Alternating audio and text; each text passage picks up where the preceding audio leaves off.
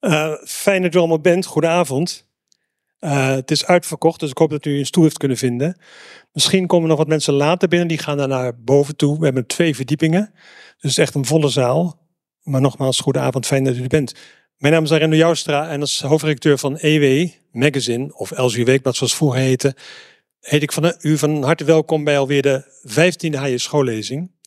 En die lezing, u weet het, is genoemd naar uh, HJ school, de hoofdredacteur van Elsevier, zoals het toen nog heette, van 1993 tot uh, 1999. En daarna was hij een jaar lang, uh, zat hij in de hoofdredactie van de Volkskrant. Vandaar ook de aanwezigheid van Pieter Broertjes hier vanavond in de zaal, die toen destijds hoofdredacteur was van de Volkskrant. En na de Volkskrant was hij uitgever van Vrij Nederland en Opzij. Maar hij bleef eigenlijk schrijven voor de Volkskrant als columnist, een essayist en incidenteel ook voor Elsevier. Helaas is hij in 2007 op veel te vroege leeftijd van 61 jaar overleden. En deze lezing kan ook gezien worden als een soort eerbetoon aan hem. En tevens probeert de redactie van Elsevier, van EW zoals tegenwoordig heet, uh, met deze lezing elk jaar het politieke jaar te openen. En daarvoor zoeken we uiteraard altijd een goede spreker. En die lag dit jaar erg voor de hand. Want uh, haar partij haalde in maart dit jaar een grote overwinning bij de provinciale statenverkiezingen. De grootste in elke provincie was nog nooit vertoond. En ze kon ook op die manier uh, de grootste fractie vormen in de Eerste Kamer met 16 zetels. Dus behalve haar impact als persoon was ze ook zetelmacht in de Eerste Kamer. Dus het was logisch dat we haar gingen vragen begin dit jaar, na die overwinning, om vanavond haar plannen en ideeën uiteen te zetten. En voor de, voor de goede orde, dit deden we voordat het kabinet viel, dus ook voordat de nieuwe verkiezing werd uitgeschreven. Dames en heren, graag u aandacht aan uw applaus voor Caroline van der Plas.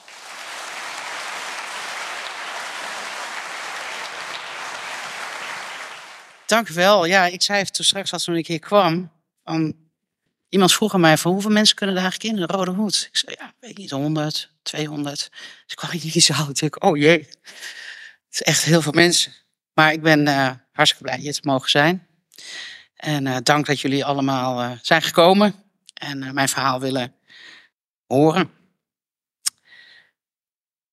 Kopteveur, Nederland als volkshuis. Dames en heren, beste familie van Hendrik Jan Schoo, vrienden en collega's van HSGO.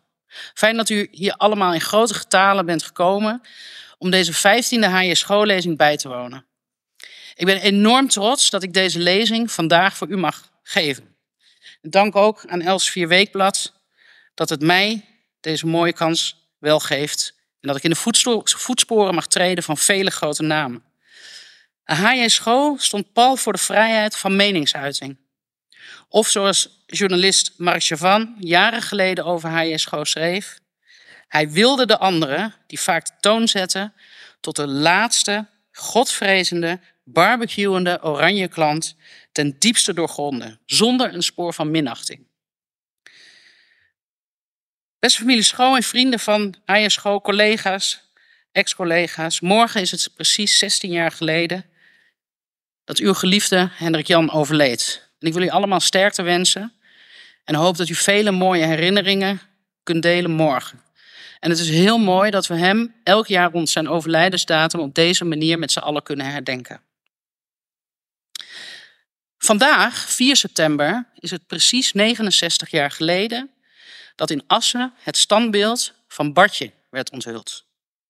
Bartje, ik bid niet voor Bruneboom groeide op in armoede op het Drentse platteland en was een echte kwajongen. En toen Willy van Hemert de verhalen bewerkte voor een televisieserie, werden de rollen gespeeld door mensen die in Drenthe geboren zijn. En de dialogen werden in de streektaal gevoerd. De dialogen werden ondertiteld in het algemeen beschaafd Nederlands. En ik vind het prachtig hoe heel Nederland via de boeken van Anne de Vries en de tv-serie van Willy van Hemert en via Bartje zo kennis maakte met de regio, de streektaal en de gebruiken in de regio. Trots is Drenthe nog steeds op Bartje, die net als. Schoo elk jaar nog wordt geëerd. In het geval van Bartje op de tweede zaterdag in september, een verjaardagsfeest op het Koopmansplein in Assen. En elk jaar viert hij daar zijn twaalfde verjaardag. Trots zijn de Drentenaren ook nog steeds op hun Bartje. In veel Drentse huiskamers staat een miniatuurbeeldje van hem. En trots is Nederland ook op Bartje, die zelfs is vereeuwigd in Madurodam. Trots mogen we zijn op onze iconen en helden. En niet alleen op iconen en helden zoals Bartje, trots moeten we zijn op de niet zichtbare iconen. Trots moeten we zijn op onze helden die niet een eigen tv-programma of een standbeeld krijgen. De vakmensen, zoals de automonteur, de schilder, de bouwers, de lassers, de buschauffeurs, de MKB'ers en andere ondernemers en hardwerkende inwoners van Nederland die ons land draaiende houden. De mensen zoals politieagenten en militairen die ons land veilig houden. En mensen zoals onze boeren, tuinders, telers en vissers die dagelijks zorgen voor ons voedsel. De mensen die onze zieke, gewonden, gehandicapten en ouderen verzorgen en verplegen. De mensen die onze zieken weer beter maken. De mensen die ervoor zorgen dat onze kinderen onderwijs krijgen. En deze mensen hoeven niet zelf per se een standbeeld of een tv-serie. Deze mensen die vragen niet veel van ons als politiek en overheid. Zij vragen alleen dat wij ze serieus nemen, dat wij ze zien en horen. Niet alleen in campagnetijd, altijd. Mensen zijn geen dossiers, mensen zijn geen spreadsheets. En ik citeer graag met veel respect het Eerste Kamerlid Willem Witteveen. De heer Witteveen kwam, zoals u weet, samen met zijn vrouw en dochter op 17 juli 2014 helaas om bij de verschrikkelijke MH17-moordaanslag. In zijn bundel ter herinnering aan een van zijn eerste Kamerperioden schreef hij jaren geleden: een, een gezonde democratie is ermee gediend dat de politiek actieve burgers en de burgers die een politiek ambt bekleden, beseffen dat er ook mensen zijn die vinden dat ze behandeld worden als, als barbaren. Dat er mensen zijn die genoeg hebben van bureaucratie, die het anders willen, die recht hebben op aandacht en respect. Die mensen zijn niet de vijand voor de poorten van de stad, maar zij zijn de medebewoners van de stad. Niet een zij, maar een wij. Einde citaat. De mensen over wie Witteveen sprak zijn, zoals ik het wil omschrijven, de medebewoners van het volkshuis dat Nederland heet. Dames en heren, H.J. Schoo en ik delen een journalistieke achtergrond. Die zich kenmerkt door oprechte interesse in en een band met het leven van gewone mensen. H.J. Schoo schreef twintig jaar geleden een essay over de witte boorde overheid. Een overheid die door privatisering en verzelfstandiging haar praktijk en vakmens was kwijtgeraakt. H.J. Schoo kon ze eindeloos opnoemen, ook hij. De verplegers, de politieagenten, de lassers, de boeren, de schoonmakers, de postbodes, de conducteurs, de machinisten, de balieambtenaren, etc. Het technocratisch denken verjoeg de blauwe boorden. De academisch opgeleiden kregen de overhand. Een, overhand, een overheid waar steeds meer theoretisch en academisch opgeleiden kwamen. En ja, zeker, die heb je ook nodig. Een gezonde mix van denkers en doeners verdween echter. Poten in de klei denken maakte meer en meer plaats voor Excel-sheet en spreadsheet denken. Herman Schenk Willing, van wie ik de eer had om hem tijdens de formatie in 2021 te mogen leren kennen, schreef het jaren geleden ook al. Nederland wordt geregeerd door spreadsheets en de marktwerking in de publieke sector brengt schade toe aan de democratische orde. De overheid bezuinigde jarenlang de inhoudelijke kennis en praktijkervaring weg en verving deze door juristen, economen en bestuurskundigen. Einde citaat van de heer Willink. De spreekwoordelijke modder onder de nagels verdwenen in de Haagse silo's, oftewel de ministeriële torens. De modder aan de handen verdween ook in de gemeente- en provinciehuizen met grote gevolgen. Schoo waarschuwde in 2003 al dat de dominantie van de hogeschoolde witte boorden bij de overheid gevolgen zou hebben. Gevolgen voor haar beeldvorming van de maatschappij. Gevolgen voor welke waarden belangrijk zijn voor de overheid. Gevolgen voor hoe de witte boordenoverheid op de wereld reageert. Deze nieuwe overheid dreigt het exclusieve instrument van de hogere middenklasse te worden, schreef hij. En terwijl de overheid er juist ook zou moeten zijn voor groepen die kwetsbaarder zijn en voor de mensen die achterblijven. Voor hen zou de overheid niet langer hun partner zijn, maar de vijand. Een dwarsligger achter het loket. Een bange controleur, de vertegenwoordiger van een ander soort mensen. Het waren profetische woorden van Schoo. De witte overheid werkt misschien goed voor mensen die zich net zo makkelijk in Den Haag aanpassen als in Brussel, New York of Shanghai. Maar misschien niet zo goed voor mensen die zich beter thuis voelen in Latrop-Brekkelenkamp in Twente, Sluis in Zeeland, Kanaleneiland in Utrecht of de Rivierenwijk in Deventer. De overheid is de aansluiting met veel van deze mensen verloren, terwijl zij de overheid, terwijl zij de overheid vaak het meeste nodig hebben. En bij de witte overheid is een nieuwe generatie geleerd om uit te gaan van gemiddelden en modellen. En deze mensen gaan dan ook werken met gemiddelden en modellen. En wat iedereen het doet, blijft het zo. De focus op gemiddelde heeft ook heel lang de toenemende verschillen tussen de groepen mensen in ons land verbloemd. Jarenlang scoorde Nederland best goed, gemiddeld, op bijvoorbeeld koopkracht, onderwijs, geluk, tevredenheid en vertrouwen. Intussen werden de verschillen achter het gemiddelde groter. Eerst scoorden mensen bijvoorbeeld rond een 7 of een 8 op geluk, op een schaal van 10. Later bleek dat steeds meer mensen een 5 of een 6 scoorden en meer mensen een 8. Dat hing vaak samen met het opleidingsniveau, gezondheid en bijvoorbeeld de woonomgeving. Zo bleven de gemiddelde in lijstjes hoog, de gemiddelde in lijstjes hoog, maar nam de polarisatie toe. De laatste paar jaar kun je er niet meer omheen dat gemiddelde te weinig zeggen over heel veel mensen. Want geen mens is gemiddeld. En dus voel je je niet serieus genomen. En dus voel je je niet serieus genomen als politici en opeenvolgende kabinetten blijven zeggen dat we gemiddeld goed scoren. Maar dit hoeft niet allemaal zo te blijven. Verandering is niet een kwestie van kunnen, het is een kwestie van willen. Het kan wel. Die verandering moet breed worden opgepakt en uitgedragen de komende jaren. Nederland zit in een samenlevingscrisis. Een diepe vertrouwenscrisis tussen burger en overheid. En wie dat nu nog niet ziet, is een samenlevingsontkenner. Nederland is toe aan zijn tweede naoorlogse wederopbouw. Het uitgangspunt daarbij is, zoals de nationale ombudsman ook zegt, de overheid is voor de burgers en niet andersom. Nederland moet daarom een Norbert-staat worden, een Minskip-staat, Fries voor gemeenschapsstaat. Een Norbert-staat, een nabuurstaat. Een overheid als een betrokken buurman of buurvrouw op wie je kunt rekenen, maar die ook gepaste afstand houdt tot het persoonlijke erf. Een Norbert-staat geleid door mensen met visie, geleid door mensen met praktijkervaring, geleid door mensen met integriteit. Een Norbert-staat waar de overheid zich niet blind staart op de waan van de dag. Een Norbert-staat die oog heeft voor wat echt belangrijk is. Een overheid met visie. Wat willen we nou eigenlijk met Nederland? Hoe willen we dat Nederland erin, laten we zeggen 2050, uitziet? Wie heeft welke ruimte nodig en wat is daar sociaal, maatschappelijk, economisch en ecologisch voor nodig? Een visie op de basis van ons leven.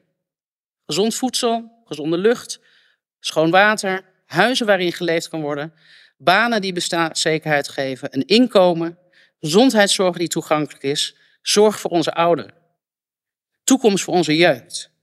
Maar ook de bus die gewoon stopt in de straat of de straat verderop, het zwembad dat open kan blijven, de pinautomaat op de hoek, de jaarlijkse straatbarbecue, het dorpsfeest en het terras in de stad of in het dorp.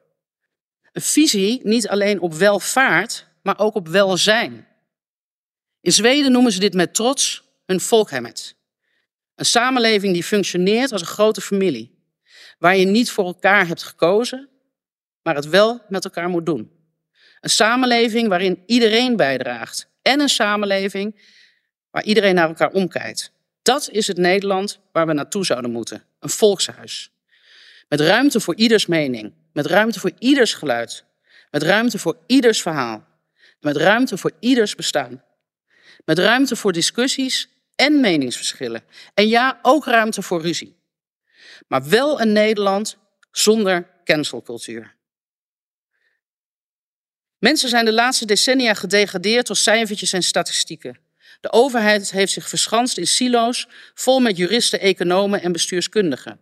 En mede hierdoor werd de Nederlandse samenleving er steeds meer een van individuen en polarisatie.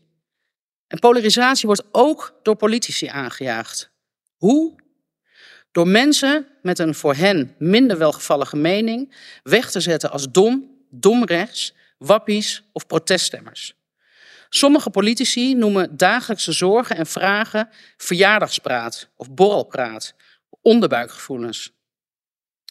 Bij veel, en bij veel Nederlanders populair programma als Vandaag in Sight, dat seizoen op seizoen de hoogste kijkcijfers haalt, wordt neergezet als voetbalkantine tv.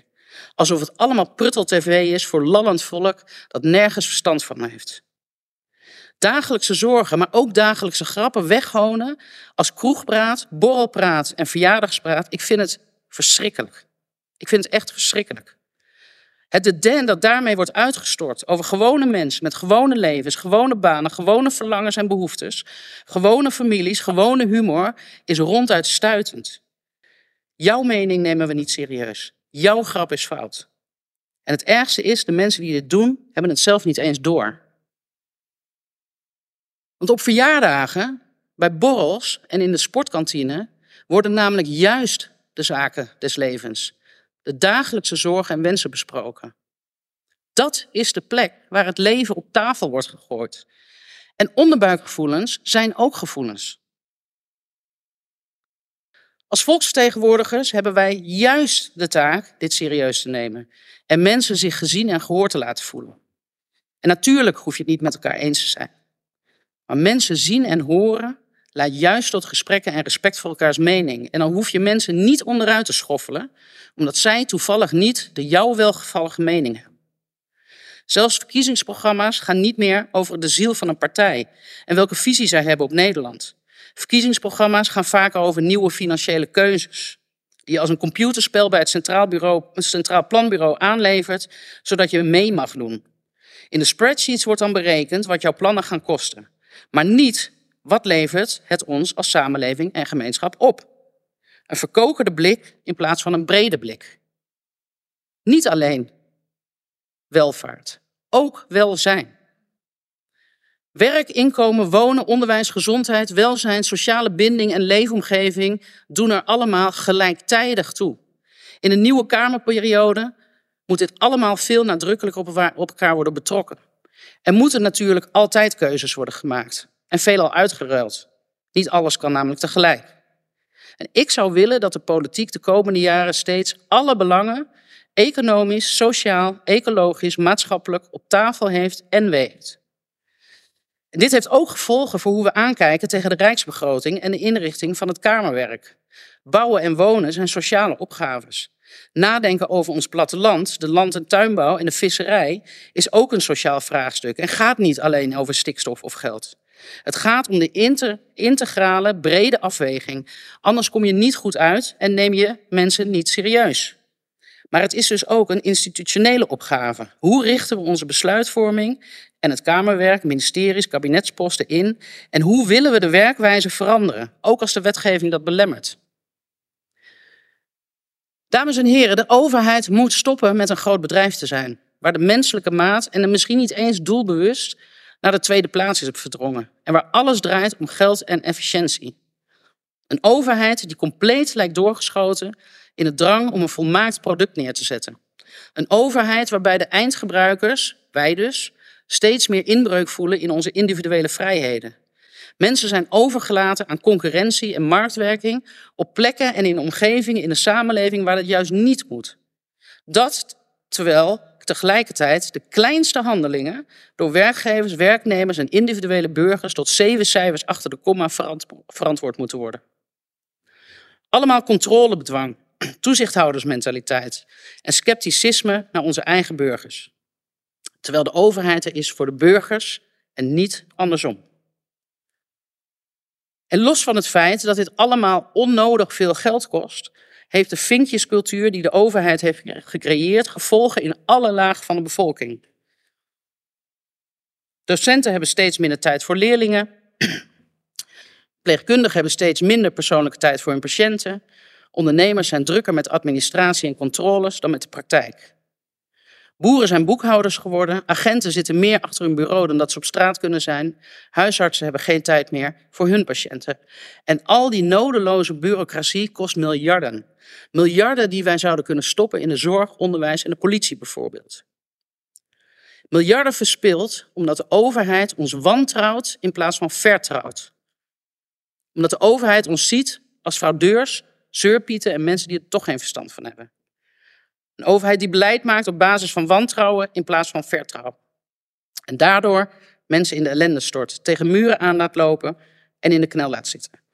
Kijk naar het toeslagenschandaal, de aardbevingsschade, de watersnoodramp in Zuid-Nederland en de misstanden in de jeugdzorg, om maar wat te noemen. En mijn oma zei me eens, loop mee met de zwakkeren, want dan weet je dat er niemand achterblijft. Ik vond dat heel mooi. En nee, je kunt niet bijna 18 miljoen mensen allemaal even tevreden houden. Dat snap ik. Maar het moet wel het uitgangspunt zijn. En als we dat nou eens proberen, dan komen we een heel eind. En wie zijn die zwakkeren dan? Mensen met minder inkomen of geld, mensen met minder sociale contacten, mensen die minder geschoold zijn, mensen die in een minder leefbare omgeving opgroeien of wonen, mensen met een kwetsbare gezondheid. Iedereen die op al deze economische, sociale, persoonlijke en culturele hulpbronnen laag scoren, ervaren minder weerbaarheid en meer kwetsbaarheid. Even slokje.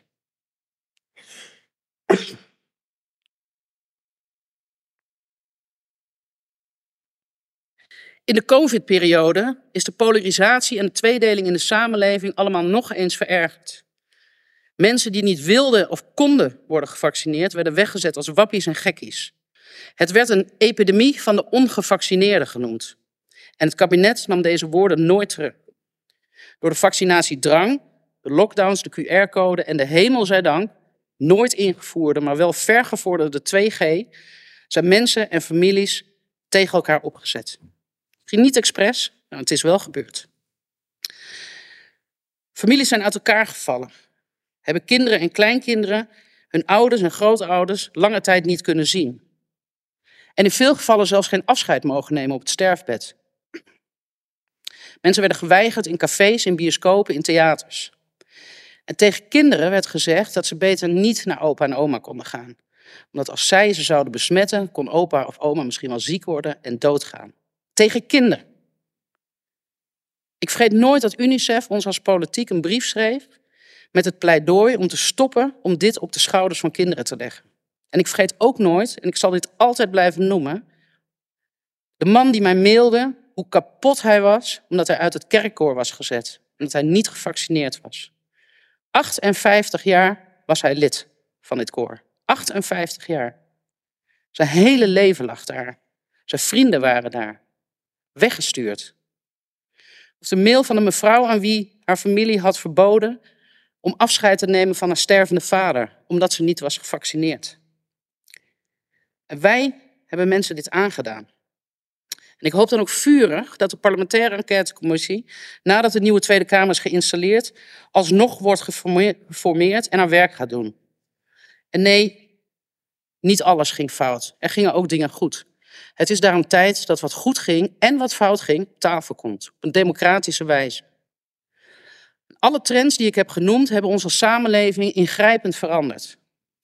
En als we niet oppassen, raken mensen verder in zichzelf verkeerd. Raken ze nog meer sociale samenhang kwijt. Gaan mensen verder vereenzamen, vinden ze het nog moeilijker aansluiting bij elkaar en komt onze gemeenschapsgin verder onder druk te staan. En als we minder gemeenschappelijk hebben, worden we ook minder snel eens over welke problemen we nou willen oplossen. Dit is de individualisering van onze samenleving en die, we moeten, en die moeten we stoppen.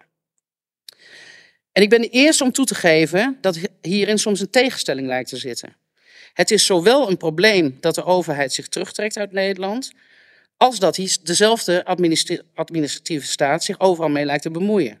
En dit laat zich verklaren door het eerdere punt dat over de witte borden overheid werd gemaakt. De overheid en daarmee haar prioriteiten is in toenemende mate een maakbaarheidsproject van theoretisch opgeleiden geworden. En mensen die het geluk hebben nooit consequenties van falend maakbaarheidsbeleid te zullen voelen. En wie het wel raakt, zijn de mensen die in gemeenschappelijkheid en in vrijheid een simpel maar waardig bestaan nastreven. De kleine luiden van Abraham Kuyper.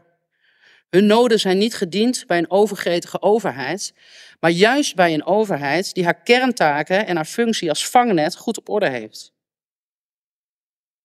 En terwijl de samenleving individualiseert, is het tegelijkertijd de behoefte aan erkenning en waardering. Wij mensen blijven namelijk diep in ons bestaan sociale dieren. We hebben het simpelweg nodig. En daardoor zie je in de lagen van de samenleving, waar individualisering het meeste voorkomt, dat er meer behoefte ontstaat aan aansluiting bij sociale groepen, terwijl de subculturen. Mensen willen opvulling van de leegte die individualisering achterlaat. Deze groepen, subculturen en gemeenschappen hebben, het hebben echter vaak ook hun eigen verzameling aan normen, waarden, tradities en symbolen ontwikkeld. Het leidt dan ook dat ze met elkaar bestaan, maar eigenlijk bestaan ze los van elkaar, met weinig onderlinge binding. En dit gepaard met steeds slimmere algoritmes, die ons vooral voeden met informatie die we willen zien, maakt dat er echokamers ontstaan waarin we alsmaar overtuigd blijven worden van ons eigen gelijk. En omringd zijn door mensen die er precies zo over denken. En ons gelijk zijn we steeds harder en steeds scherper gaan verdedigen. En nou is er op zich niks mis mee. Een van de kenmerken van een open democratische samenleving is juist dat allerlei standpunten op het scherp van de snede bediscussieerd moeten kunnen worden. En dit komt namelijk voort uit een absolute vrijheid van het spreken. Maar bij die vrijheid hoort ook verantwoordelijkheid. Het feit dat je alles kan zeggen, betekent niet dat je alles daarom ook moet zeggen. En daar gaat het nu vaak mis. We zijn een brug overgegaan waarin dit soort maatschappelijke gesprekken niet meer vanuit de positie van wederzijds respect plaatsvindt, maar opnieuw juist vanuit wantrouwen. Wantrouwen tegen de ander. Wantrouwen tegen de groep waarbij hij of zij hoort. En wantrouwen tegen de daadwerkelijke beweegredenen. Het doet mij denken aan het prachtige nummer van Simon Garfunkel. The Sounds of Silence. People talking without speaking. Kent het allemaal wel? People hearing without listening. People writing songs that voices never share. No one dare disturb the sounds of silence. We spreken wel, maar we praten niet. We horen wel, maar we luisteren niet. Iets kan niet meer goed zijn als het niet in mijn wereldbeeld past of door gelijkgestemden wordt verkondigd. In de Tweede Kamer, verdorie de plek waar juist een open gesprek moet worden gevoerd, gebeurt dit aan de lopende band. Jij wilt geen gewelddadige pushbacks van vluchtelingen? Oh, dus jij wilt een tsunami van Afrikaanse gelukzoekers in Nederland. Jij wilt een ander stikstofbeleid? Oh, dus jij bent tegen de natuur. Jij hebt vraagtekens bij windmolens op zee en zonnepanelen op landbouwgrond. Oh, dus jij vindt dat onze kinderen en kleinkinderen mogen verzuipen als de zeespiegel stijgt. Maar ook, oh, jij bent kritisch op boeren, dan mag je nooit meer eten. Deze manier van polariseren zaait haat, agressie en vijandigheid in de samenleving. Dit smoort het maatschappelijke debat in de kiem. Dit zorgt voor een grimmige en onveilige omgeving. En dit weerhoudt mensen ervan om actief deel te nemen aan het maatschappelijk debat. En deze polarisatie vindt overal plaats. Niet alleen thuis, maar ook in de debatcentra, hogescholen, universiteiten, talkshows en digitaal. En wij als volksvertegenwoordiging pakken onze rol niet. Wij doen er vrolijk aan mee. En let maar op, de komende maanden tot 22 november. Ik hoor nu al bij fracties dat ze die of die gaan pakken dat ze partij A of partij B gaan aanvallen. Geen visie, geen gesprek over wat je als partij wilt. Nee, we gaan elkaar pakken. Nou, ik pas ervoor. En dan ben ik maar een softie. Ik heb er helemaal geen zin in. En ik weet zeker, het gros van Nederland heeft er geen zin meer in. De polarisatie laat al zien, en dit zal verergeren, dat we dan maar onze mond gaan houden. De dialoog niet meer met elkaar aangaan, maar deze juist zullen vermijden. En als we hem wel aangaan, is het niet om een goed gesprek te hebben, maar vooral om de ander in zijn of haar ongelijk te bevestigen en zo de echokamer in stand te houden. We horen wat er gezegd wordt om snel en venijnig te reageren, maar we luisteren niet. We spreken om ons gelijk te bewijzen, maar we praten niet. Stemmen verstommen en zo sterft een democratie als we niet uitkijken. De wijs man in Den Haag sprak vorig jaar deze zorg tegen mij uit. De democratie kan kapot. En ik geloof hem. En de democratie sterft niet met een revolutie, maar met gesprekken die stilvallen.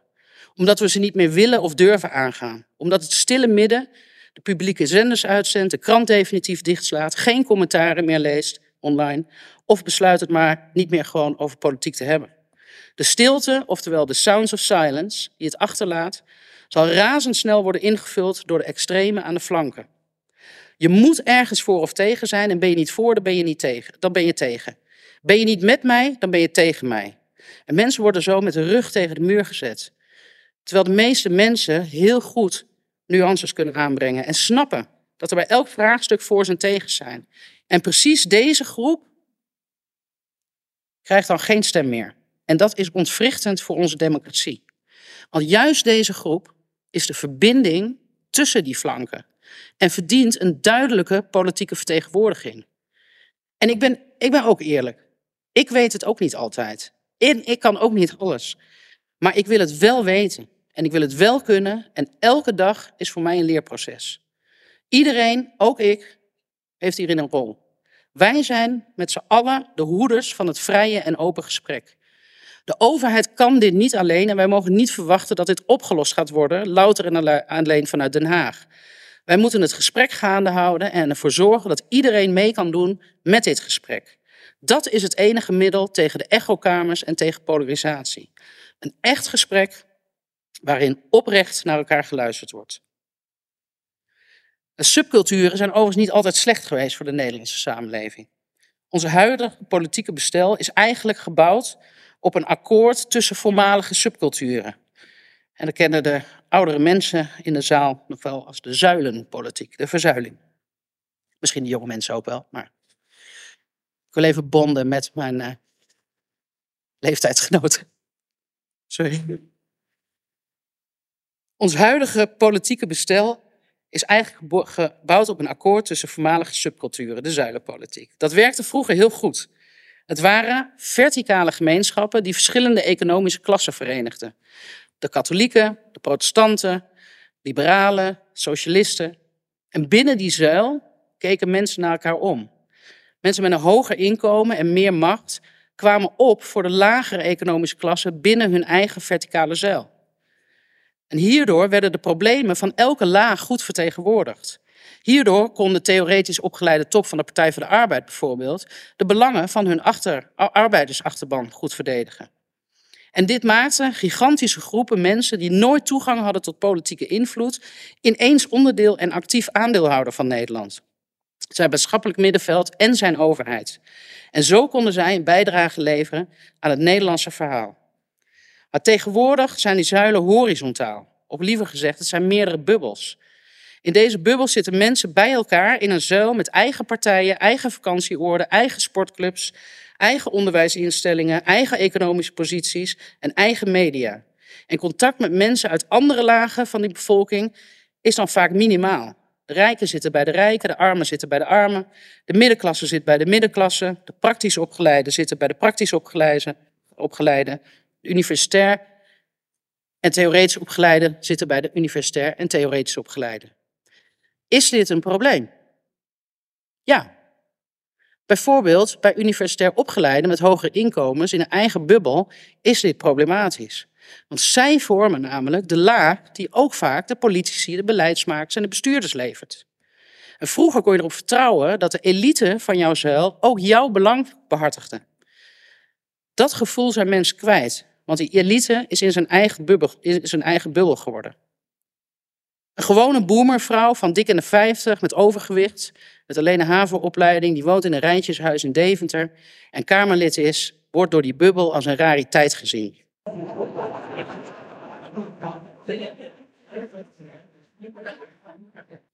Die wordt door mensen in deze bubbel ook wel eens smalend Ma Flodder genoemd.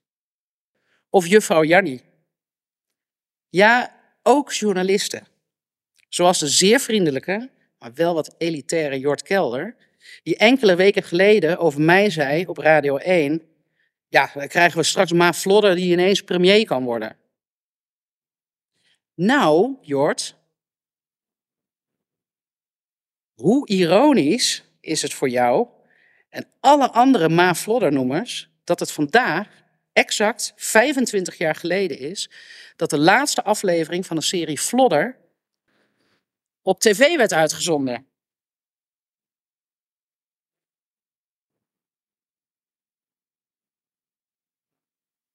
En dat een nieuwe Ma Flodder nu terug is op tv. Om de HJ schoollezing te doen.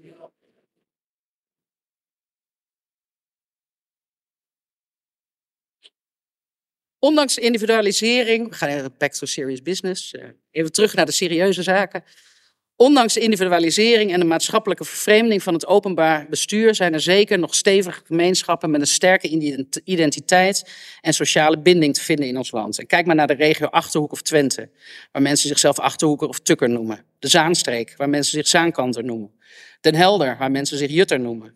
Of de eilanden, waar mensen zich Eilander noemen. Daar voelen mensen zich verbonden in hun, hun culturele identiteit. En het is die verbinding die je terugziet in rijke tradities van de paasbalkers, de paasvuren in Salland en Twente, het karbietschieten in Noordoost-Nederland, de dorpskermissen in Volendam, volgende week 8 september, heb ik mij laten vertellen door een zekere mevrouw Keizer. Het carnaval in Brabant en Limburg, het eiergooien in Tollebeek, het Kallemooifeest op Schiermonnikoog, de Paaskels in Oudmarsum of de Trekkerslep in Hooghalen. De oorzaak en het gevolg hiervan is dat mensen elkaar kennen, elkaar begrijpen, elkaar wat gunnen. Elkaar in hun waarde laten en naar elkaar omkijken. Het faciliteren en in stand houden van dergelijke culturele tradities helpt dan ook mee aan de versterking van de sociale binding en het naberschap in onze regio's en in onze streken. En dit is van groot belang omdat juist daar waar mensen zich verbonden voelen, de effectiviteit van de democratie het sterkst is. En de maatschappelijke vraagstukken het beste worden opgelost. Het is juist die vertrouwde omgeving die mensen missen. Of bang zijn te verliezen in de wereld van het doorgeslagen ego en de getallenreeksen van het spreadsheetbeleid. En gezien de ontwikkelingen in de regio zijn die zorgen zeker legitiem. Het rapport Elke regio telt is een uitgebreide en goed onderbouwde uitwerking van ontwikkelingen die mensen in die regio's al heel lang zien. De verschraling van de voorzieningen, dus de pinautomaat die verdwijnt, de dorpsagent of de wijkagent die is verdwenen, de bus die niet meer rijdt, de dorpsschool die moet sluiten en of het zwembad dat dicht moet. Het is allemaal een beleidsfocus op grootstedelijke gebieden. Te kortdurende en kleinschalige rijksondersteuningsprogramma's voor regio's en onvoldoende oog hebben voor de uitdagingen in die regio's. Voor Den Haag leek het rapport een openbaring en voor miljoenen mensen in Nederland stond er weinig nieuws in. De leefbaarheid van een gebied is voor een groot gedeelte afhankelijk van de mate waarin mensen in hun behoeften kunnen worden voorzien. En helaas zijn er steeds meer gebieden in ons land waar de aanwezigheid van basisvoorzieningen niet meer vanzelfsprekend is. Dit komt door een neerwaartse spiraal als gevolg van een overheid die uit die dorpen en kernen vertrekt, omdat de instandhouding van dergelijke voorzieningen drukt op de overheidsuitgaven. Welvaart versus welzijn. Maar geld mag en kan niet altijd een reden zijn om ergens op te bezuinigen. Het getuigt juist van noorbestatelijkheid als een overheid zorg draagt voor de leefbaarheid in de regio's. Of haar inwoners de ruimte geeft om de aanwezigheid van voorzieningen zelf te organiseren. Zoals op het platteland ook soms gebeurt. Kijk naar het Cultuurhuis in Hoge Heksel, Twente. Daar hebben tal van verenigingen onderdak. En die financiering van het cultuurhuis wordt door de verenigingen zelf opgebracht. Zo wordt daar bijvoorbeeld elk jaar een trekker, vrachtwagensauto en motocross gehouden. Hexel on Wheels. Voor de groene lobby een nachtmerrie misschien, al die ronkende motoren op fossiele brandstof, wat zo snel mogelijk verboden moet worden. Maar voor het dorp is het behalve een sociaal samenzijn met de opa's, oma's, vaders, moeders, kinderen en de jeugd onderling brandstof voor het cultuurhuis. De opbrengst uit de toegangsbewijzen vloeit namelijk rechtstreeks terug in de kas van het dorpshuis en verenigingen kunnen daardoor blijven bestaan. En zo draagt niet alleen Hexel on Wheels, maar elke vereniging daar bij aan het behoud van de sociale binding in het dorp. Boeren en burgers samen. En vergeet ook niet de rol van boeren en bedrijfsleven, vaak familiebedrijven, in sociaal-culturele evenementen in de regio's. Vaak leveren ze de vrijwilligers, ondersteunen ze lokale feesten en sportevenementen of stellen ze, in het geval van boeren, hun weiland ter beschikking voor een feest en helpen ze mee met het opbouwen van het feestterrein. De regio's, ook de zwakke regio's, dus aanhangstekens, moeten worden versterkt. Ook met betaalbare woningen, om ook winkeliers, de bouwvakkers, de arbeiders, de schooljuf of meester, de verpleegkundige, de brandweerman en de automonteur in die regio's te behouden. Dames en heren, mensen vragen niet veel van de overheid. De overheid vraagt veel van hen. Mensen willen gewoon hun geld kunnen pinnen, hun kind naar school kunnen brengen, een brief op de post kunnen doen, met het openbaar vervoer of de auto naar hun werk kunnen, indien nodig naar de huisarts en zo af en toe een duik in het publieke zwembad kunnen nemen. En het zijn helemaal geen vreemde eisen. In veel gevallen zijn voorzieningen niet alleen praktisch, maar ook noodzakelijk. De hoe valt het uit te leggen dat een huisartsenpraktijk in een dorp als Petten verdwijnt? Inwoners, onder wie ouderen, die zijn aangewezen op het openbaar vervoer, zijn langer dan anderhalf uur onderweg naar de nieuwe locatie. En dit is slechts één van de honderden voorbeelden dat voorzieningen nog steeds verdwijnen van het platteland. Er is institutioneel urbanisme in onze overheid en in haar beleid geslopen. En dat zal ik uitleggen. De beleidsfocus op grootstedelijke gebieden speelt deze voorzieningenongelijkheid onbedoeld in de hand.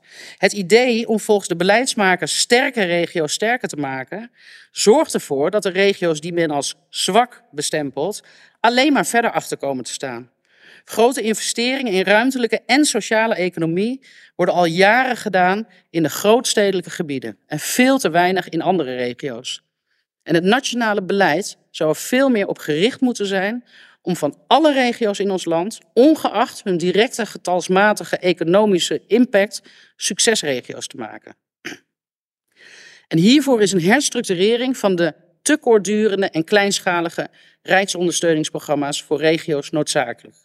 Het feit dat er regio-deals zijn die enigszins in de financiële behoeften van regio's voorzien, is op zich goed. Maar de wijze waarop deze financiering tot stand komt, is op zijn zachtst gezegd een probleem. Er is één centrale pot geld waar regio's met elkaar moeten concurreren om iets uit te krijgen, zodat ze hun omgeving leefbaar kunnen houden. Dergelijke financieringen zouden juist structureel moeten zijn en beschikbaar moeten zijn voor alle regio's. We moeten juist niet concurrentie tussen regio's, maar samenwerking met regio's stimuleren. Er is onvoldoende oog voor de uitdagingen in en verschillen tussen regio's. Zeeuws-Vlaanderen is anders dan de Veenkoloniën. En het Friese Wommels is anders dan Parkstad Limburg. Elke regio kent zijn eigen identiteit, zijn eigen vraagstukken en zijn eigen kansen. We moeten ons niet laten verleiden door de vermeende efficiëntie van onze one size fits all beleid. Oftewel, één maat past iedereen beleid. Maar de regionale diversiteit in ons land erkennen en waarderen. Al deze ontwikkelingen schaden de kwaliteit van leven in grote delen van ons land, vergroten de kansenongelijkheid en verkleinen de saamhorigheid. Het is funest voor het vertrouwen in de politiek en het openbaar bestuur en ook dit schaadt daarmee onze democratie. Het bestuurlijk bestel, zoals we dat al sinds 1848 hebben, is broodnodig aan vernieuwing toe. Het niveau waarop wij besturen correspondeert niet met het niveau waarop mensen zich met elkaar verbonden voelen. Het niveau waarop mensen werken en handelen. En het niveau waarop mensen naar elkaar omkijken. Dat niveau is namelijk het regionale niveau. En soms sluit het aan op een provincie, maar soms ook niet. Kijk bijvoorbeeld naar het Groene Hart. Een regio met 720.000 mensen, verbonden door economie en cultuur, maar door provinciale grenzen electoraal in drieën gesplitst. En bestuurlijk onderworpen aan de wil van omliggende grote steden. Gemeenten spelen daarop in door in regionaal verband met elkaar op te trekken. Maar intussen blijft de nationale politiek in haar eigen bubbel hangen.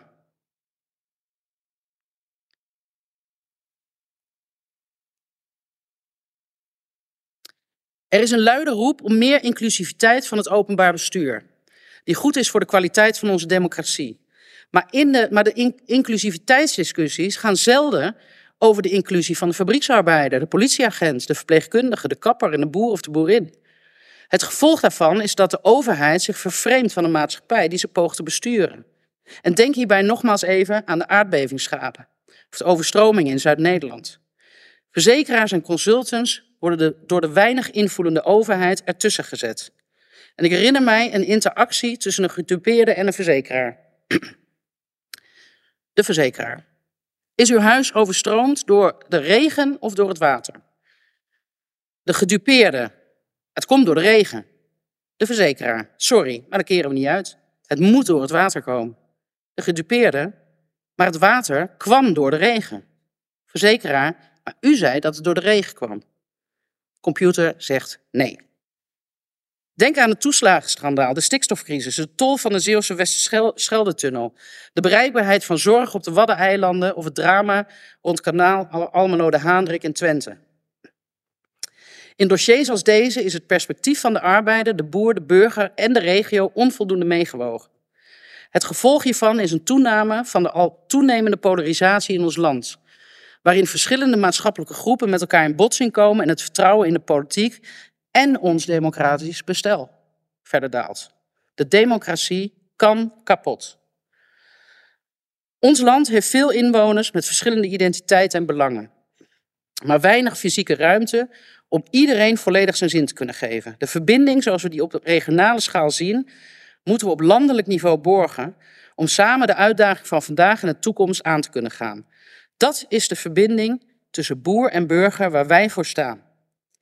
Niet alleen omdat wij iedereen hun waarde willen laten, maar ook omdat we ook omdat er verschillende inzichten van verschillende mensen van meerwaarde zijn om een vraagstuk te bekijken en op te lossen. De overheid zou veel meer moeten uitgaan van sociale gevolgen in plaats van efficiëntie. Veel meer van wat iets oplevert in plaats van wat iets kost. En zolang veranderingen in de landbouw worden uitgedrukt in stikstof, koeien en geld, slaan we de plank mis. Wat zijn, behalve de ecologische gevolgen, de sociale en maatschappelijke gevolgen van de landbouwtransitie? Daarover zou het moeten gaan. Ja, kan ik met BBB dit allemaal even oplossen? Nee, zo maakbaar is de wereld helaas niet. En was het maar zo'n feest. En helaas, ik heb ook geen toverstaf. Onze weg naar een overheid die alle regio's en alle lagen van de bevolking weer deelgenoot maakt van Nederland gaat in kleine stapjes over vele jaren. Maar daarom zijn wij wel in de Kamer gekomen. Om deelgenoot te worden en zijn van de oplossing. En wij willen dan ook graag verantwoordelijkheid nemen in een nieuw kabinet. We moeten Nederland weer besturen als een land met ambitie en visie. Nederland is niet een pindakaasfabriek waarin je met spreadsheet management tot winst kan komen. Toen dit land na de watersnoodramp van 1953 begon te bouwen aan het deltawerken, was dat niet niks. De kosten aan man, mankracht en geld waren immens, maar iedereen wist dat het nodig was. Kop de veur, aanpak, was het motto. Het heeft Nederland veiliger en welvarender gemaakt en het kon bovenal rekenen op brede steun in de samenleving. Of denk aan de wederopbouw van ons land na de vernietiging van de Tweede Wereldoorlog. Ons land lag in puin, maar we hadden allemaal een duidelijk doel voor ogen. Een bruisend land met herstelde dorpen en steden, moderne woningen voor iedereen, een land met nooit meer honger en een land waarin iedereen deelgenoot was en waar niemand achter zou blijven. Iedereen voelde dit tot in het diepst van zijn en haar persoon. Het was een verhaal waarin iedereen een rol had en ook bereid was die rol te vervullen. Niet alleen vanuit eigen belang, maar ook voor de ander. Nu kijken we in Nederland niet meer naar, nu kijken we in Nederland niet meer naar de toekomst voorbij de volgende kabinetsval. Elke keer komt er een nieuw verhaal in plaats van dat er eens een doorlopend verhaal komt. En zoals Arendo Joustra, de hoofdredacteur van EW, een paar weken geleden terecht schreef, Kamerleden moeten niet denken dat nieuw beleid iets oplost. Zorg eerst maar eens voor goede uitvoering van het bestaande beleid. Of in de samengevatte woorden van Groen van Prinserer, een van de grondleggers van onze hedendaagse politiek. Regeren is iets anders dan administreren. Waaraan ik nog wil toevoegen, niet alleen de overheid is verantwoordelijk voor goede uitvoering van bestaand beleid, ook instellingen en bedrijven moeten daarin deelnemen. En om gemeenschap in Nederland te laten bloeien is ambitie op vier vlakken nodig. 1. Nederland geeft alle inwoners via goede bereikbaarheid voor iedereen toegang tot de essentiële voorzieningen. Twee, we geven ruimte aan en koesteren onze maakindustrie, familiebedrijven en ondernemers. Drie, we omarmen de strategische en maatschappelijke waarden van onze hoogwaardige, duurzame en betaalbare voedselproductie. Vier, we zorgen voor verantwoordelijk, bescheiden, integer en empathisch leiderschap. En we snoeren dit niet dicht met wet en regelgeving, maar houden ruimte en lucht voor mensen en bedrijven om het goede te doen. Een belangrijk onderdeel om ervoor te zorgen dat regio's en lagen van de samenleving deelgenoot kunnen zijn in Nederland is toegang. Toegang tot de instituten, toegang tot het onderwijs, toegang tot de rechtspraak, een huisarts, een bank, politiekantoren, de zorg en een gemeentehuis. Toegang tot de essentiële voorzieningen, maar bovenal toegang tot elkaar. Zowel fysiek als online, omdat we in deze tijd ook moeten erkennen dat veel mensen de weg niet vinden in de digitale wereld. Steeds dezelfde groepen mensen ervaren dat hun toegang tot de overheid en samenleving afneemt. Zowel de overheid als het bedrijfsleven moet zorgen voor een gelijkwaardige toegang tot alle maatschappelijke en politiek-bestuurlijke systemen. En het belangrijkste voor toegang is dat je er ook kunt komen. Een simpel voorbeeld, als je in Bellingwolde woont en je wilt een baan in Den Haag, dan moet je met het openbaar vervoer per dag, vice versa, heen en weer, negen uur reizen. Negen uur. En dan is je ambitie als jonge man of vrouw zonder auto letterlijk onbereikbaar. Hetzelfde geldt voor het volgen van opleidingen en werken in andere delen van het land. Zelfs naar Assen, een stuk van 55 kilometer vanaf Bellingwolde, Bellingwolde ben je al bijna twee uur onderweg. In de Randstad ben je voor dit soort afstanden minder dan een uur onderweg. En Bellingwolde is daarin verre van uniek. Duizenden dorpen zijn steeds slechter toegankelijk in een land waar steeds verder moet worden gereisd voor basisvoorzieningen. Omdat alles centraliseert en verdwijnt uit de regio. Zelfs in dorpen als Meidrecht, De Kwakel, Ilpendam, hier maar 30 minuten vandaan, voelt het soms alsof de overheid het heeft opgegeven. En hierdoor maakt het uit waar je bent geboren. Het is bepalend in de mate waarop je kansen kan benutten en kan bereiken. En ik vind het schandalig. Nederland hoort een land te zijn waar iedereen, ongeacht of je in Hartje Utrecht of in het Brabantse Boekel woont, toegang moet hebben tot kansen. Om iedereen deelgenoot te kunnen laten zijn in het Nederlandse verhaal, moet het Nederlandse verhaal ook bereikbaar zijn. Niet alleen vanuit ook een economisch oogpunt, maar ook en juist vanuit de sociale noodzaak. Het is een kwestie van willen en niet van kunnen. Want, want ongeacht of je diep in de grensgebieden, de buitenwijken van Rotterdam of op de Wadden woont, Nederland moet een land zijn dat voor iedereen werkt en voor iedereen bereikbaar is. Alle onderdelen, alle lagen en alle regio's, alle inwoners van Nederland. En ja, dan zijn misschien nog steeds niet alle 18 miljoen Nederlanders even tevreden, maar alle basisvoorzieningen zijn wel bereikbaar. En nee, ook dit gaat niet over één nacht ijs. Maar we moeten er wel mee beginnen. Niet blijven roepen, ja, dat duurt nog wel tien jaar. En vervolgens niks doen. Want dan is het over tien jaar nog tien jaar. Als tweede is er een economische en industriële ambitie nodig in Nederland. Het op waarde schatten van de plekken waar miljoenen mensen hard aan het werk zijn om ons brood te verdienen. Innovatie en daarmee verdere verduurzaming aanjagen, importeren en exporteren en in behoeftes voorzien. Tot de hele overheid moet doordringen dat het geld dat uitgegeven wordt ook eerst verdiend moet worden. In landen als Frankrijk en de Verenigde Staten is het inmiddels ingedaald dat er krachtige industriepolitiek nodig is om de waarde van hun industrieën en al die miljoenen mensen, miljoenen mensen die daar werken, te erkennen en te versterken. Nederland mag niet achterop raken. En Nederland moet zijn maakindustrie behouden om niet nog meer afhankelijk te worden van het buitenland. Maakindustrie is meer dan strategische onafhankelijkheid van grootmachten als China en Rusland. En het is meer dan extra belastingcent in de staatskas. staatskas. Werk is waardigheid. Hard werken, iets creëren en zo brood op de plank brengen voor je gezin geeft voldoening en trots aan mensen en gemeenschappen. En dit brengt mij op het derde punt: voedsel. Tegen het einde van de, e-, van de eeuw neemt de wereldbevolking verder toe tot 10,5 miljard mensen. Intussen neemt het, vruchtbare, het beschikbare vruchtbare land op aarde rap af, met 12 miljoen hectare per jaar. Nederland heeft als vruchtbare delta een morele verantwoordelijkheid om voedsel te produceren en mensen te voeden. En export is wat ons betreft geen vies woord. Het is noodzaak. Elk land dat iets goed kan, exporteert. Duitsland kan goed auto's maken en exporteert. Colombia kan goed koffie maken en exporteert. Ja, ik weet het. I know. I know. Ik heb eh, de serie ook gezien op Netflix. Uh, wel scherp publiek hoor. Ja. Sri Lanka kan goed thee maken en exporteert. Azië is goed in technologie en exporteert. Frankrijk kan goed wijn maken en exporteert.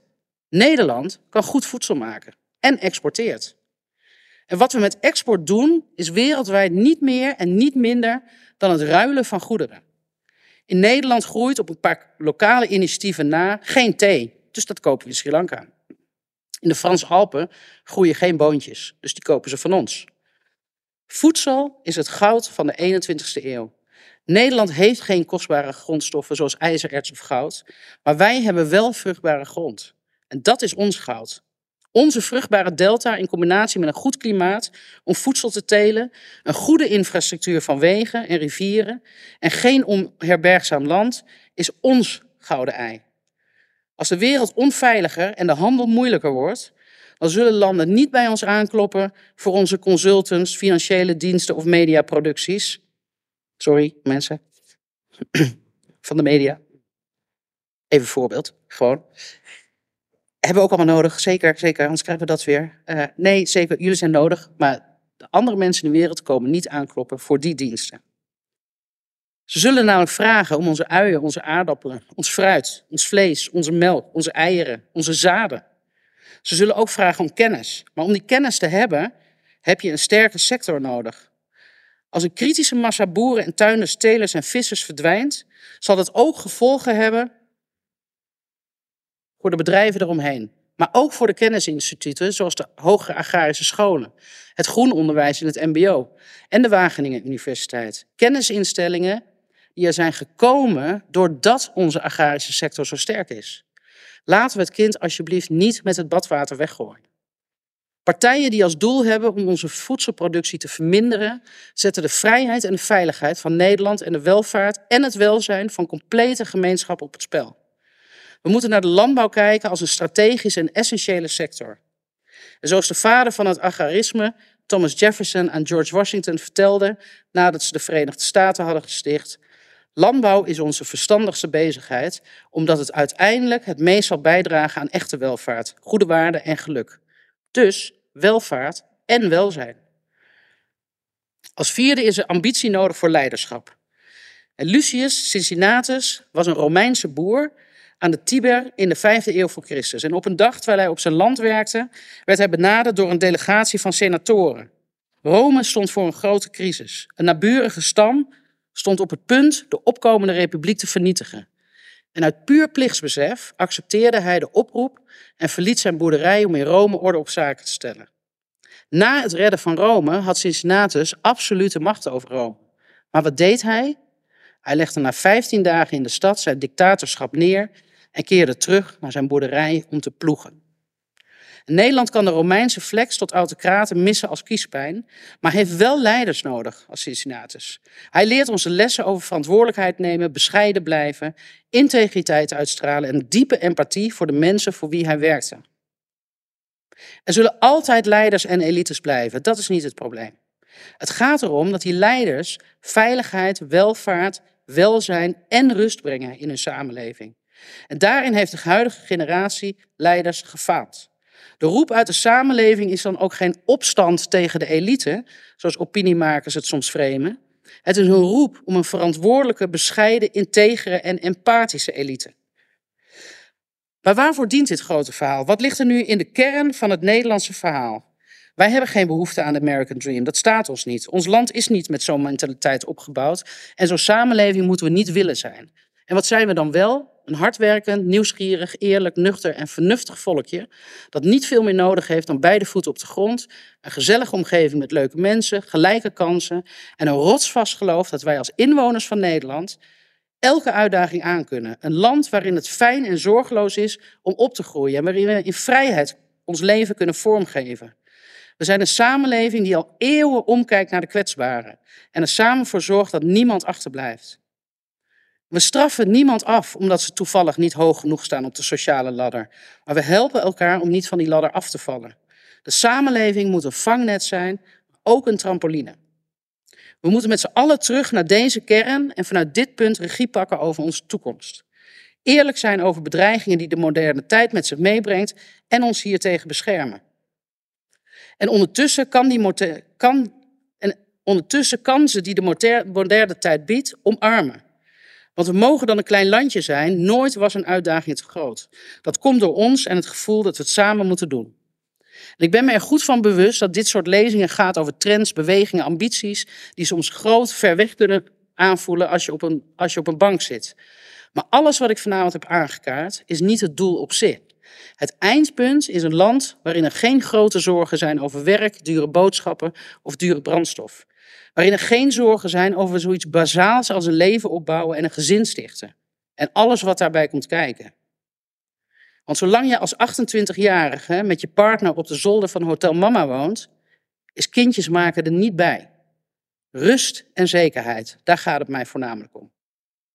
BBB gelooft dat inwoners van Nederland een overheid verdienen die mensen vertrouwt en een overheid die vertrouwd kan worden. Een overheid waar jojo-beleid verleden tijd is.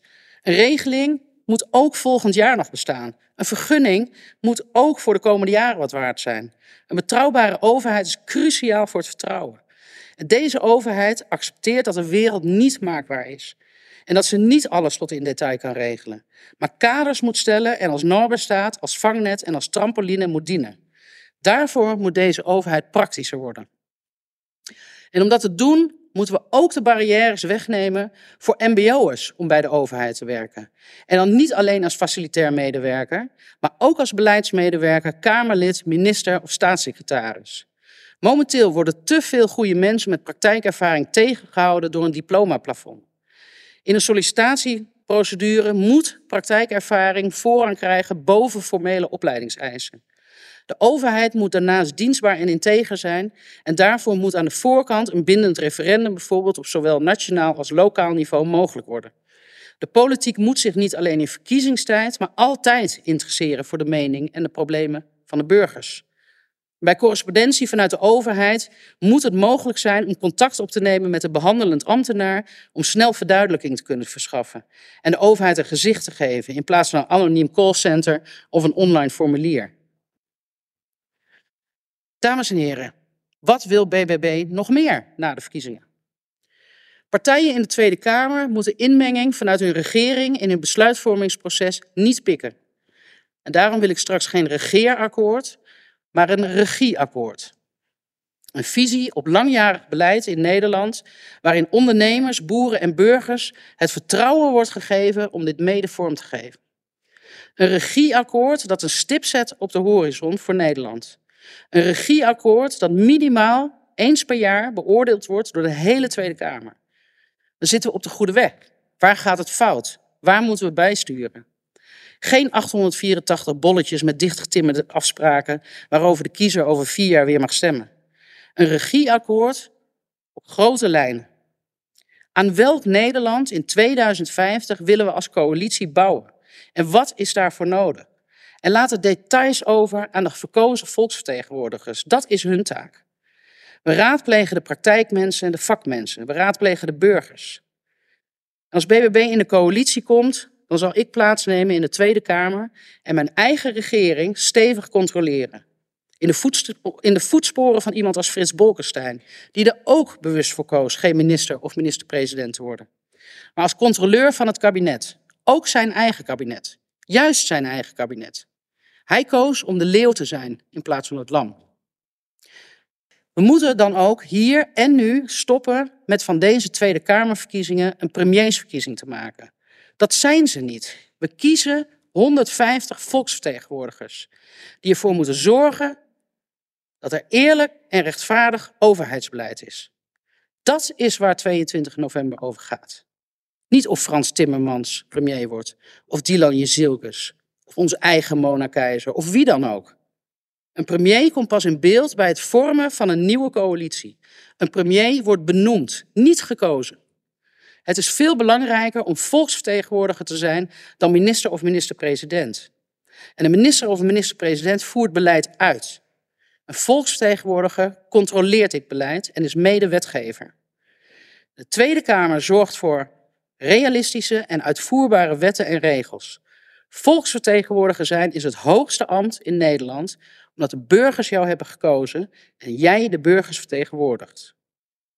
Mijn oproep is vanavond dan ook, laat je niet meeslepen door spindokters en communicatieadviseurs die er maar al te graag een premiersverkiezing van willen maken. Want dat is gewoon totale onzin.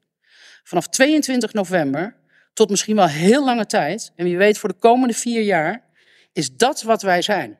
Kamerlid, lid van de Blauwe Stoeltjesbrigade, volksvertegenwoordiger, niks meer en zeker niks minder. Vraag kandidaten daarom niet of die ernaar uitkijkt om premier van Nederland te zijn of wat zij als minister-president willen bereiken. Vraag wat zij gaan doen vanaf een bescheiden blauwe stoeltje in de Tweede Kamer. Want vergeet niet, premiers komen en gaan, de Tweede Kamer zal blijven bestaan. Ook ons parlement moet vernieuwen. Kamerleden hebben meer ondersteuning nodig om tegen de macht van de ministeries op te boksen. Zetels van fracties moeten via een loting door elkaar geplaatst worden in de zaal. Ervaring vanuit het IJslandse parlement, de Alting, leert dat fracties die niet van links naar rechts zijn ingedeeld en willekeurig met hun fractie in de Kamer worden geplaatst, helpen bij het verminderen van polarisatie door de samenwerking te bevorderen. En Nederlanders wonen ook niet op een spectrum van links naar rechts. Bij het aantreden van een nieuwe Tweede Kamer wil de BBB-fractie dan ook geen zetelverdeling op basis van een links-rechts spectrum, maar op basis van loting. En wel de fracties bij elkaar, niet iedereen met door elkaar zetten, dat gaat ook niet altijd goed. Fracties wel bij elkaar, maar een loting. En dit zal een geheel nieuwe dynamiek geven in de Kamer. Wij zullen bovenstaande op de agenda zetten van de eerste vergadering van het presidium. Om de omslag te brengen die Nederland nodig heeft, kan de BBB niet zomaar een politieke partij zijn, maar we moeten een emancipatiebeweging zijn. En ik neem u tot slot mee op een uitstapje in de Nederlandse geschiedenis. Naar de Katholieke Volkspartij, de KVP. Misschien wel de grootste emancipatiebeweging in de Nederlandse geschiedenis. In de 19e eeuw waren katholieken al eeuwen tweederangs burgers. Uitbundige kerkvieringen werden geschuwd. Ze hadden beperkte toegang tot functies bij de overheid en het overheidsbeleid discrimineerde hen op institutionele en sociale wijze. Daarom was de verkiezing van de heer Herman Schaapman tot Kamerlid een ware schok. Een iets wat gezette katholieke priester uit Tubbergen. Hij sprak niet zoals de andere Kamerleden. Hij sprak wel voor alle katholieken in Nederland. Als Kamerlid had hij de mogelijkheid om de stem van de katholieken te laten horen op het nationale toneel om te pleiten voor gelijke rechten en om een einde te maken aan de jarenlange discriminatie waarmee ze werden geconfronteerd. Hij was een levend bewijs dat katholieken net zo capabel, intelligent en patriotisch waren als hun protestantse landgenoten. En de katholieke beweging die hij opbouwde zorgde ervoor dat katholieken zich economisch, sociaal en cultureel weer konden laten gelden. Dat Nederland ook van hen werd. En wij willen een beweging zijn in de geest van de Katholieke Volkspartij. Zonder dat wij een partij zijn die is gebaseerd op een één soort religie. Wij hebben geen religieuze signatuur. Alle geloven en ook mensen die niet geloven, moeten zich bij ons thuis kunnen voelen. Maar BBB is wel een brede volkspartij. Ook een, ook een beweging voor mensen die niet gezien en gehoord worden door de overheid. Die zijn afgehaakt. Normale, hardwerkende inwoners van Nederland die te horen kregen: jij doet niet meer mee. En mijn werk zit erop als ook zij zich weer onderdeel voelen van onze samenleving. Als zij sociaal, maatschappelijk, economisch en politiek weer een plek hebben in eigen land. Wanneer we weer naar elkaar omkijken. Als Nederland een Norberstaat is, waar de Minskip tot in Limburg gevoeld wordt. Geen revolutie, maar een evolutie. Dames en heren, ik ben voor klimaatverandering. Temperatuur mag wat mij betreft een stuk hoger in ons eigen spreekwoordelijke klimaat hier in Nederland. Het mag allemaal wat warmer, het mag allemaal wat aardiger, voor en naar elkaar toe. En laten we weer spreken en praten. Laten we weer horen en luisteren. Dank u wel.